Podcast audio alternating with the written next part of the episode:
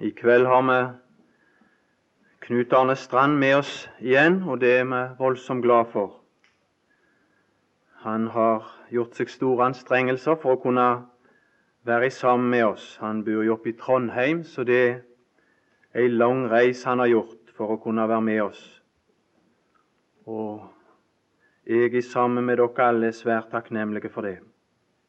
Jeg skal begynne litt, og så skal vi få høre Knut Arne etterpå.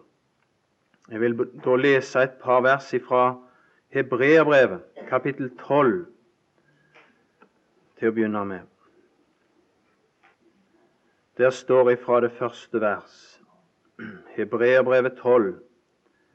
Derfor la òg oss, da vi har så stor en sky av vitner omkring oss, avlegge alt som tynger, og synden som henger så fast ved oss, og med tålmodighet løpe i den kamp som er oss foresatt, i det vi ser på troens opphavsmann og fullender, Jesus. Han som for den glede som ventet ham, led tålmodig korset, uten å akte vanæren, og nu sitter på høyre side av Guds trone. Ja, gi akt på ham som tålmodig har litt en slik motsigelse av syndere, så dere ikke skal gå trett og bli motløse i eders sjeler. Vi har helst i disse møtene vært opptatt med det Kristi kors er for oss som tror, hva Gud har utvirka og utretta gjennom Kristi kors. Hva det har brakt oss som tror av vidunderlige resultater. At det har brakt oss ut ifra den gamle stilling som vi sto i, og ført oss ved Kristi kors til Gud under Hans velsignelse. Og Kristi kors, om vi lærer å kjenne, skulle gi oss en slik fullstendig løsning på dette store problem, min synd og det jeg er, på en slik fullstendig måte at jeg og du kunne, slik som Elmer Eliassen til åpning begynte med, at vi kunne komme ut her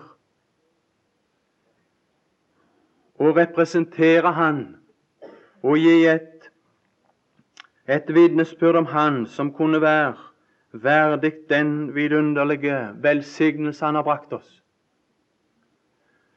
For Korset det har på den måten sikra våre interesser så fullstendig at det ikke, etter vi hadde lært evangeliet, det gode, vidunderlige budskap om kors å kjenne, så skulle det ikke være sorger for vår egen interesse, vår egen velsignelses skyld.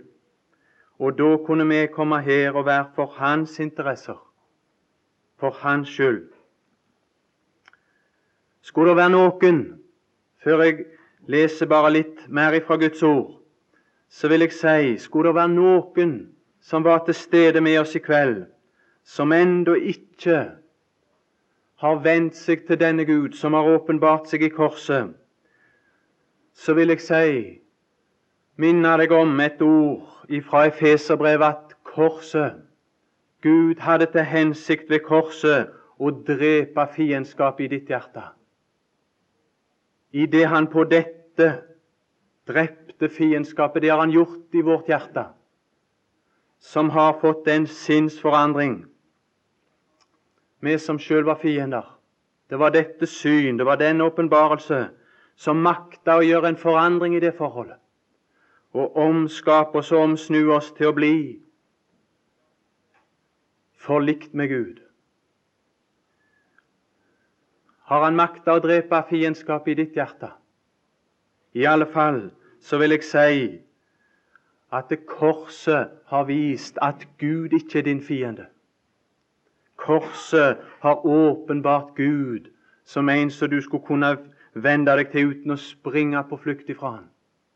Hvis det er en fiende du har i hælene, så kan jeg forstå at du skulle springe livet av deg bort. Men Gud har ikke åpenbart seg som din fiende. Han har åpenbart seg i sin, sin store kjærlighet og til ditt hjerte. Hvem som helst kan bli frelst. Men så vil jeg òg, siden de fleste av oss er, er kommet til troen og har lært den Herre Jesus å kjenne, bare understreke litt og minne oss om denne sida av korset som Hebreabrevet 12 fører oss inn i. For her er det nemlig ei annen side av korset. Her er det korset i forbindelse med det å være en disippel. Og dette er òg et godt budskap. Dette er et godt budskap for de som er frelst. Selv om dette har med at vi identifiserer oss med Kristus i hans forkastelse. Det som står her, det er dette Led tålmodig korset. Den Herre Jesus, han led tålmodig korset. Han led, han ble forkasta. Og så er det da til oss, ved å se på Han som det fullkomne eksempel for vårt løp, at vi med tålmodighet kan løpe i den kamp som er oss foresatt. Her har vi det fullkomne eksempel. Her har vi troens opphavsmann, troens fullender, den Herre Jesus, som et menneske. Som et fullkomment menneske. Han, han levde i tro. Han, hans løp, det var i tro ifra begynnelsen og helt til han hang på korset. Som et menneske så begynte den Herre Jesus i tro. Jeg vil lese bare et par steder om det. Det er hans tro det tales om der i Hebreabrevet 12. I Salme 22, i det ellevte verset, står det På deg er jeg kastet fra mors liv. Her var en som begynte i tro, som et menneske så begynte den Herre Jesus i tro, i sitt løp. Som troens opphavsmann og fullender, så var de fra begynnelsen, men så var det ikke bare fra begynnelsen, det var helt enden. I Salme 16 så står det på denne måten.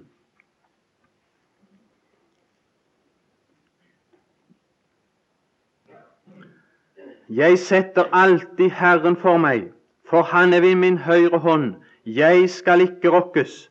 Derfor gleder mitt hjerte seg og min ære fryder seg, også mitt kjød skal bo i trygghet. I lys av hans død. Så som et menneske så vandra den Herre Jesus fullkomment i tro, inntil han hang på korset, og han, han sjøl i den dypeste fornedrelsen, vanære og skam som han der måtte utstå,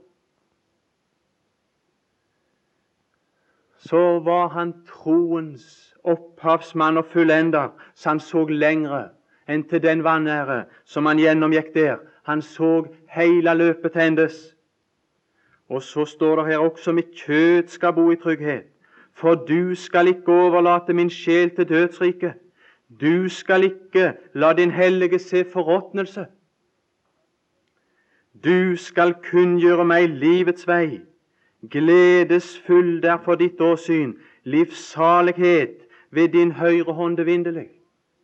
Og så finner vi da den Herre Jesus her, her i Hebreerbrevet 12, på etter at han hadde utstått den vanære, den fornedrelse og skam som det jo var for han å gjennomgå dette, denne motsigelse, denne motbør som han fikk her i verden. Men han han led tålmodig fordi Han var troens opphavsmann og fullender. Og Hvis ikke jeg og du har tro, så er det umulig for oss med tålmodighet å løpe i denne kamp, for det er en motbør for oss. Ja, gi jakt på ham som tålmodig har litt en slik motsigelse. Det er det som er imot. Men han, han som hadde en slik vanærende utgang, han, han er på Guds trone i dag. Og det skulle kunne trøste oss å se hans løp når òg vi får motgang, når vi får vanskeligheter. For, for det står i Guds ord dette som vi gjør vel i å akte på. Kom til ham, står det, den levende sten som vel er forkastet av mennesker. Det er så lett for oss å glemme dette, at han som vi kommet til troen på, han, han er forkastet av mennesker. Og Det så det ut for at de hadde kanskje begynt å glemme de som Peter også skrev til. Så han sa han som vel, han er vel. Dere vet vel det at han er forkasta mennesker. Dere må gjøre beregning med det. At han er forkasta. Peter hadde også vanskeligheter med det. Å kunne forstå det og gå med på det, etter at han hadde gjort den store bekjennelsen av at den Herre Jesus var Guds levende sønn, så var det jo klart at da ville det ikke bli vanskeligheter. Du er kommet til troen på den evige, allmektige, og så tenker du gjerne ja, nå blir livet lett. Nå blir det ikke vanskeligheter. Der i Matteus 16 så står det på denne måten Vi kjenner til at Peter hadde tatt han til sides. Peter kunne ikke forstå det. Nei, det er jo klart, det går jo ikke an. Og tenker ikke òg vi sånn av og til? Kommer ikke den tanken òg opp i vår sjel av og til?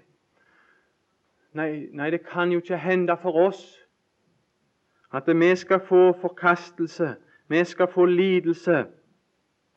Og den lidelse som snakkes om der i Matteus 16, det er ikke det å lide under Guds vrede, men det å få den lidelse å bli forkasta av mennesker, lide meget av de eldste og ypperste prestene og de skriftlærde.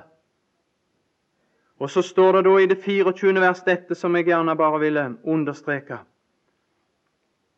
Fordi det òg hører med. Da sa Jesus til sine disipler Her er et ord om kors i forbindelse med det å være en disippel. Vil noen komme etter meg, da må han fornekte seg selv og ta sitt kors opp og følge meg.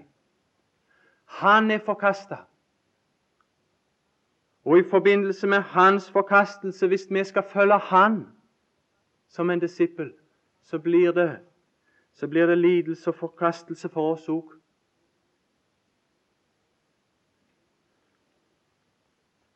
Peter han hadde stor tiltro til seg sjøl. Kanskje noen kunne få det òg, etter vi har hørt om korset ifra den guddommelige sida, der Gud har åpenbart seg for oss og brakt oss sin velsignelse av en slik fylde at vi blir gjerne så begeistra, så, så, tatt av det, at jo vi skal følge.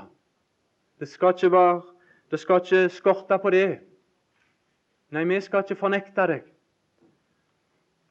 Vi skal fornekte oss sjøl. Men det som skjedde ved Peter, det var istedenfor at han fornekta seg sjøl, så endte det opp med at han fornekta Kristus for å unngå korset. Fordi han hadde en sånn tillit til sin egen kjærlighet til Kristus. Måtte ikke det bli slik i vårt hjerte. Det er ofte slik, men skulle vi ikke lære noe av dette? Av Peter og hans, og hans måte å gå på. Han fornekta Kristus, og så kom han under korset, men heldigvis så, så gav ikke den Herre Jesus han opp for det. Derfor så vil jeg lese et vers der i Johannes 21. kapittel. Ikke bare at han ble gjenoppretta Peter på en så vidunderlig måte og gitt en oppgave og gitt en tillit til å fø hans får, vokte hans får og fø hans lam. Men den Herre Jesus han gikk videre. Han stanset ikke bare der. Han går tilbake til den tale som Peter hadde hatt om at jo, han skulle nok ivrig følge han. Han skulle nok vise seg. Så han har mistet en anledning, men her skulle han få en ny anledning. Og så står det Sannelig, sannelig, sier jeg deg. Da du var yngre, bandt du selv opp om deg og gikk dit du ville.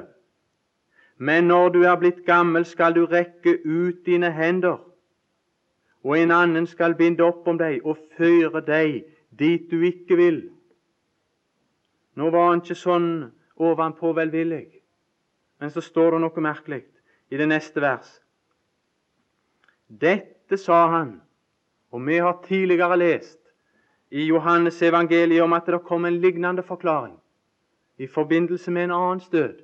Og det samme uttrykk som brukes her. Dette sa han for å gi til kjenne hva slags død han skulle, med hva slags død han skulle ære Gud. Og da han hadde sagt dette, sier han til ham, følg meg. Peter, han kom til å dø martyrdøden på et kors. Og sikkert for vårt vedkommende så så blir det lite at vi greier å etterfølge den Herre Jesus på den måten. Så fullstendig. Men i alle fall det er dette løpet som er lagt for oss. Det er i grunnen et martyrløp. Det er å dele den Herre Jesus' forkastelse her i denne verden mens han sjøl er forkasta. Og så skal vi få lov, da, om det skjer i vårt liv, at vi skal få dele hans opphøyelse når den dag kommer. Så det er bare spørsmål om å tro i vårt løp. Hvis vi ikke ser lenger enn til vår egen død, enn til vår egen utgang, så, så er det vanskelig å løpe med tålmodighet og dele Kristi forkastelse her. Men ser vi helt til endes, ser vi den dag i vår tro, dette usynlige, at Kristus skal komme med makt en dag, at Han skal gjøre krav på denne verden som er Hans rettmessige. Og da skal vi få dele herligheten som han skal ha når han kommer til denne verden. Et vers ifra Hoseas vil jeg lese. Jeg skal ikke ta mye mer tid, men der står det et vers som Peter i sitt brev i sitt brev siterer. Profeten Hoseas, i det andre kapittelet så står det på denne måten i det fra det 21. vers. Og dette, og det skal skje på den dag, at jeg vil bønnhøre, sier Herren, jeg vil bønnhøre himmelen, og den skal bønnhøre jorden. Og jorden skal bønnhøre korn og mosten og oljen, og de skal bønnhøre Israel. Og så står det Og jeg vil plante henne for meg i landet og miskunne meg over henne, over Lo Ruhama, og jeg vil si til Lo Ami, du er mitt folk, og det skal svare min Gud. Når Israel en dag skal få sin plass, når Herrens jordiske folk en dag skal få sin plass, så skal det bli en velsignelse på denne jord som aldri har vært før. Et rike som skal, som skal være verdig Han som skal være kongenes konge da. Velsignelse fra himmelen og jorden skal flyte over velsignelse. Ja, ja, men vi er jo Herrens folk nå. Det er det Peter sier i sitt første brev og det tiende vers. Dere, og der siterer han derifra, dere som fordum ikke var et folk, men nu er Guds folk. Og det er det ingen tvil om. Det sås det ingen tvil om her. Jeg og du som er frelst i dag, vi er Herrens folk.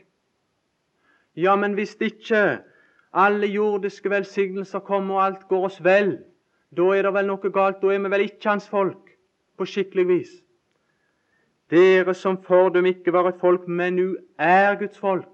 Ja, men følger da disse velsignelser som det sto om i Det gamle testamentet, nå når han siterer dette for oss?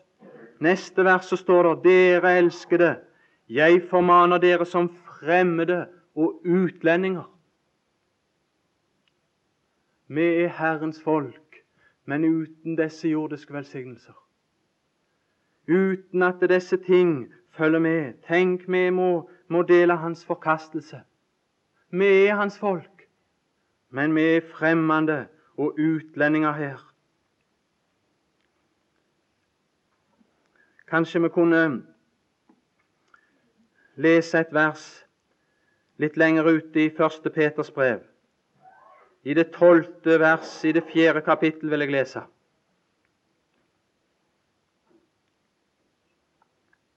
Og der står:" Dere elskede, undre dere ikke over den ild som kommer over eder til prøvelse, som om det hendte dere noe underlig. Hvor mange er det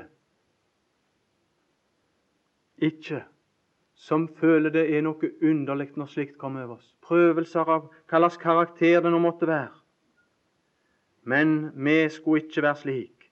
Det skulle ikke være som om noe underlig hendte. Men, står det, i samme monn som dere har del i Kristi lidelser, skal dere glede dere, for at dere også i Hans herlighets åpenbarelse kan glede dere med jubel. Å dele Hans forkastelse nå, det skal gi oss en del i Hans rike når Han kommer en dag. I det femte kapittelet og det første verset står det de eldste blant dere formaner jeg som medeldste og vitne om Kristi lidelser, og som den som òg har del i herligheten som skal åpenbares. Etter at Peter hadde fått høre dette ordet fra den Herre Jesus, om at når han skulle følge han, så skulle det være i hans fornedrelse han skulle følge han, så talte den Herre Jesus og viste de på berget i alle fall en forsmak om den kommende herlighet som de skulle få del i. Og det er, det er vårt forrett, vi som, vi som hører den Herre Jesus til. Vi er så glad for dette, at vi har fått evig liv i kraft av at den Herre Jesus døde for oss at han gikk under forbannelsen, dommen og alt det som lå over oss, for at vi skulle få liv. Men tenk òg det er vidunderlig. Men tenk òg dette at vi, vi kan få del i noe. Vi kan få del i Kristi herlighet når Han kommer en dag. Det står om noe i Peters brev, og Peter er voldsomt opptatt av dette, at det går an å få en rikelig inngang ikke i himmelen, for det får du utelukkende ved tro på den Herre Jesus. Og det får alle likt. Alle som kommer til troen, får del i det likt. Men tenk dette i tillegg. Å få del og få en rikelig inngang i vår Herre og Frelsers evige rike. Og Derfor så står det dette 'Derfor omgjorde eder sinn', står det i 1. Peters brev det første kapittelet og det trettende vers. Konsentrer dere. Samle dere sinn. Derfor omgjorde eder sinnslender hver edrue, og sett eders håp fullt og fast til den nåde som blir eder til del i Jesu Kristi åpenbarelse. Tenk for en ting å skal få dele noe med den Herre Jesus når Han en gang kommer igjen. Vi tenker gjerne bare på denne sida. Hvordan skal vi komme til himmelen? Og Hvis du ikke har fått det løst, spørsmålet løst, så må du jo ikke tenke på dette som vi nå har lest om. Men det som korset har åpenbart, er at hver den som tror, han kommer til himmelen. Men så var det spørsmål om hvordan vi skulle komme ifra himmelen en dag. Når vi skulle komme med den Herre Jesus. Om hvordan vi skulle få en inngang, og da er det vår tjeneste, vårt liv og vår vandring her i denne verden. Jeg synes at vi, det er nødvendig for oss, det er nyttig for oss, å legge også dette på vårt sinne, vi som har vært samla under denne sannhet. Kristi kors, skulle ikke vi dele hans forkastelse. Han som har vunnet våre hjerter. I denne sin dype fornedrelse skulle vi ikke være lojale i våre hjerter overfor den som sjøl ble forkasta, for vår skyld. Så skal han en dag belønne oss rikelig i sitt kommende rike, når han skal styre, når hele verden skal løpe etter den korsfestede. Vidunderlige dag. La oss ha dette òg i vårt sinn. Herre Jesus, jeg vil takke deg for at evangeliet nådde mitt hjerte en dag. At jeg som òg var av en fiendsk innstilling til deg, at du makta å drepe det fiendskapet i mitt hjerte, så jeg ikke lenger har det sinnelag overfor deg. Takke deg, Herre Jesus, for din frelse, for det fullbrakte verk som du har gjort og brakt oss dermed evig liv.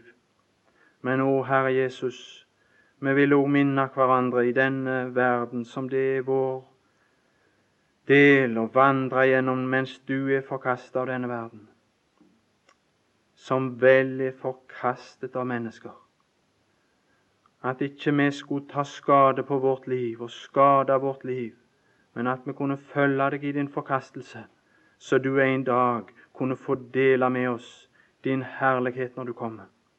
Takk, Herre Jesus, for at du har stilt dette òg åpent for oss, og at du ønsker å gi oss en rikelig inngang i ditt kommende rike og din store herlighet. Takk, Herre Jesus. Amen.